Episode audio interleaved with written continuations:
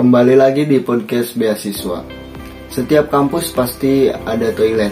Kalau nggak ada toilet, nggak mungkin. Jadi nanti gimana gitu kan? Para mahasiswa pengen keluar tai susah kalau nggak ada toilet. Nah, gue adalah uh, mahasiswa di salah satu sekolah tinggi yang nggak tinggi-tinggi amat, cuma tiga lantai.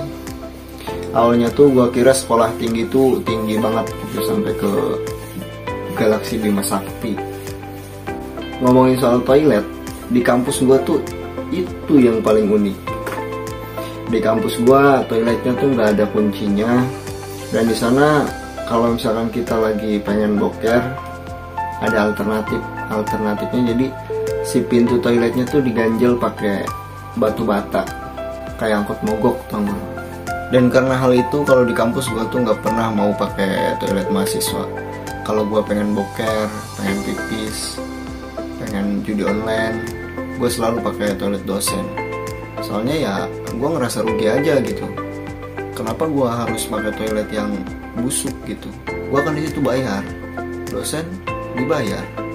Kenapa toiletnya lebih bersih? Jadi itu adalah sebentuk protes gue ini gue selalu pakai toilet dosen.